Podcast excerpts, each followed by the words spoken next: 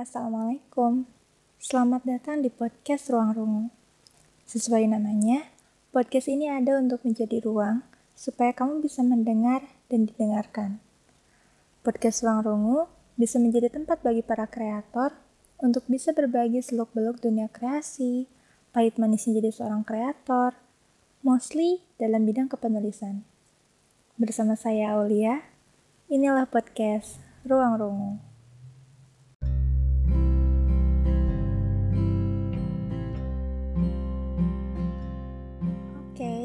So, karena ini adalah episode pertama dari podcast Orang Rungu dan ini adalah pertama kalinya saya buat podcast. Jadi, saya pikir saya harus memperkenalkan diri terlebih dahulu. Alright, saya Lia, seorang konten kreator pemula, terutama dunia broadcasting. Saya baru 18 tahun, tapi sudah lulus sekolah tahun lalu, dan sekarang saya sibuk bekerja sebagai seorang graphic designer. Di samping itu, saya juga menggeluti dunia literasi dan kepenulisan. And that's why I create this podcast. Harapan saya sih, semoga podcast ini bisa kasih manfaat aja gitu buat para penulis di luar sana. Karena di sini, lewat podcast ini, saya mau sharing seputar dunia kepenulisan yang pernah saya jejaki. Pertanyaan yang paling sering muncul setiap kali saya mengisi mentoring kepenulisan itu adalah gimana sih caranya untuk mulai menulis? Aku tuh pengen jadi penulis, tapi nggak tahu cara mulainya gimana. Dan selama ini, jawaban saya selalu sama. Tetap sama. Kalau mau jadi penulis, ya harus nulis. Hmm, menurut saya, sebelum seseorang mencari tahu bagaimana cara melakukan sesuatu, dia harus tahu dulu alasan dia mau melakukan hal itu karena apa. Hal itu juga berlaku dalam menulis. Sebelum ikut kelas-kelas menulis dan cari tahu segalanya tentang dunia kepenulisan, langkah paling awal yang harus kita lakukan itu adalah mencari alasan. Coba deh, tanya sama diri sendiri. Kenapa saya mau jadi penulis? Apa sebenarnya arti menulis buat saya? Jawaban dari dua pertanyaan itulah yang nantinya akan selalu menjadi bahan bakar ketika kita mulai lelah dan jenuh. Hmm, kita terbaik sebentar yuk ke tahun 2013. Waktu itu saya kelas 1 SMP, dan itulah kali pertama saya menulis sebuah cerita. Saya menulis fiksi remaja waktu itu, dan itu berdasarkan pada apa yang saya harapkan itu terjadi sama saya. Such a beautiful and happy story ya dulu saya mampu apa ya menuliskan banyak cerita meski saya menulisnya manual di buku bermodalkan pensil mekanik bukan ngetik kayak sekarang. Tapi saya menikmati saat-saat ketika saya mencurahkan ide lewat tulisan. Sayangnya hanya cukup sampai di sana. Saat itu menulis belum memberikan makna yang spesial bagi saya selain sebagai media hiburan aja jadi nggak lebih gitu. Dan saya juga tidak begitu bangga ketika dipuji karena tulisan saya. Karena saat itu saya cuma nulis gitu. Sama halnya seperti menulis catatan di buku pelajaran. Jadi cuma nulis. Tapi semuanya berubah. Saya mengalami turning point titik balik di kehidupan saya pada tahun berikutnya ketika saya kelas 2 dan saat itulah saya mulai merasakan makna mendalam dari menulis bagi diri saya. Saat itu menulis menjadi satu-satunya cara supaya saya bisa mengekspresikan semua emosi, ide, dan perasaan saya. Saat itu, saat saya menulis, rasanya saya bisa bernapas dengan bebas gitu jadi setiap tulisan saya membuat saya merasa hidup.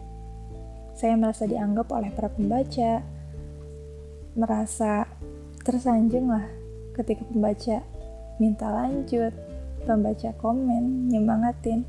Itu tuh wow banget.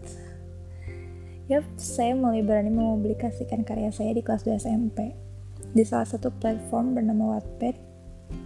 Di sanalah saya mulai menulis. Saat itu saya masih punya cita-cita lain. Jadi saya merasa kalau saya tuh gak suka nulis, tapi saya cuma butuh. Saya butuh nulis. Jadi arti menulis bagi saya waktu itu hanya sebatas kebutuhan dan keharusan, gak lebih. Namun ternyata hal itu berdampak besar bagi kehidupan saya. Peringkat saya terjun bebas dari tempat tertinggi lah, dari tempat pertama terjun bebas. Nilai-nilai saya turun semua Bukan cuma itu, kepribadian saya juga ikut berubah. Pokoknya menulis saat itu jadi sebuah candu dan satu-satunya fokus saya.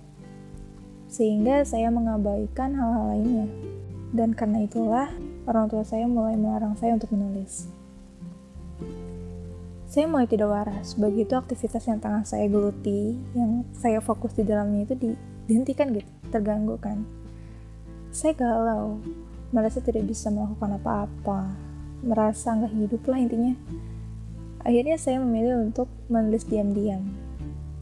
Dan ya, selama setahun kemudian, saya curi-curi waktu untuk menulis. Ikut lomba diam-diam, ikut proyek nulis bareng, ikut komunitas. Semua saya lakukan diam-diam, itu hanya sebatas untuk memenuhi hasrat menulis saya saya sudah sejauh itu tapi saya masih punya cita-cita lain waktu itu. Dan saya masih aktif kayak saya tuh dulu suka banget di sains. Jadi saya aktif untuk ngejar olimpiade untuk kuliah di ITB kayak gitulah. Dan saat itu saya pikir kalau oh nulis itu cuman hasrat bagi saya. Hasrat yang cukup dengan saya penuhi tapi nggak perlu saya seriusi. Dan titik tolak saya hingga saya bisa sampai di posisi yang sekarang ini adalah komunitas literasi gembala desa di SMA. Jadi cita-cita saya dicegat oleh kenyataan. Saat itu saya benar-benar putus asa dan pesimistis. Jadi saya tidak tahu harus melangkah ke mana karena sejak awal saya hanya menyiapkan satu tujuan. Jadi begitu tujuan itu hilang, saya bingung deh. Ya gitu. Jadi tuh saya dulu pengen banget ke ITB kan. Jadi selama SMP fokus saya di sana. Tapi tanpa saya sadari saya justru lebih fokus di nulis. Dan akhirnya impian saya dikalahkan oleh kenyataan bahwa saya itu tidak memenuhi syarat untuk bisa masuk ke sana. Dan itulah bagaimana saya akhirnya menyadari bahwa Allah sedang menunjukkan jalan untuk saya. Saya akhirnya bergabung bersama komunitas literasi kembali aktif menulis ya meskipun sembunyi-sembunyi dari orang tua Hingga akhirnya saya sadar bahwa selama ini saya punya potensi dalam menulis gitu. Saya baru sadar setelah tiga tahun lamanya.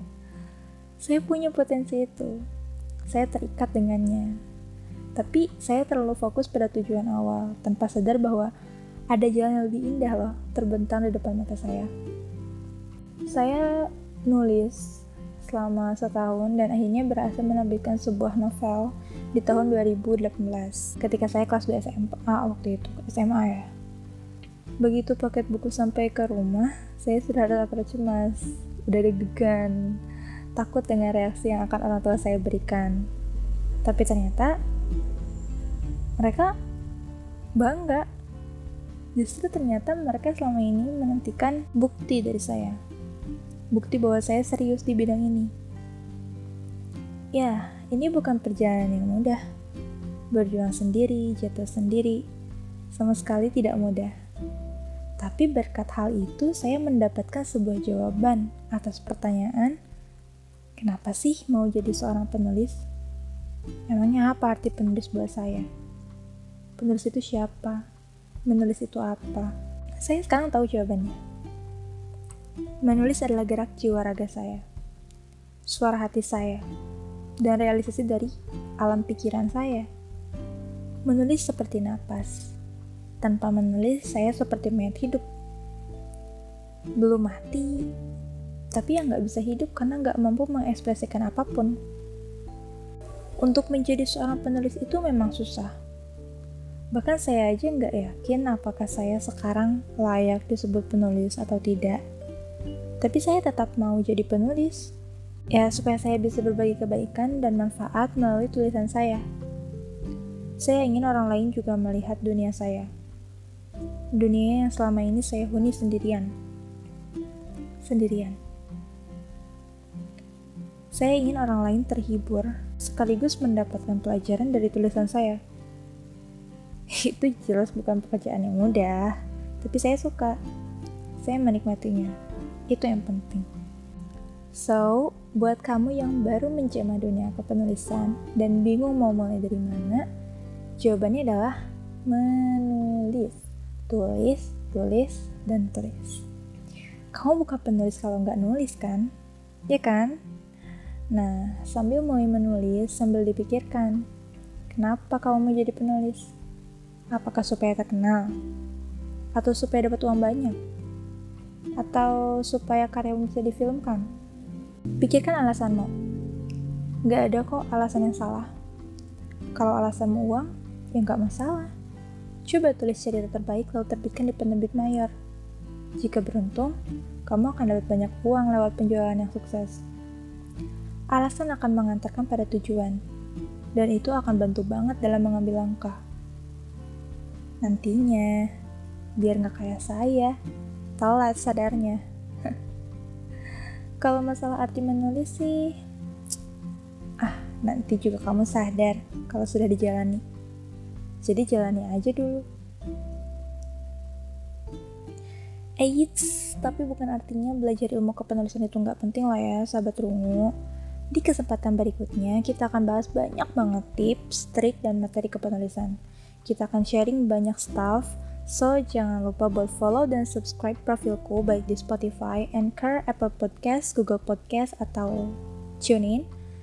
Kasih bintang 5, jangan lupa share juga ke teman kamu kalau kamu rasa podcast ini bermanfaat.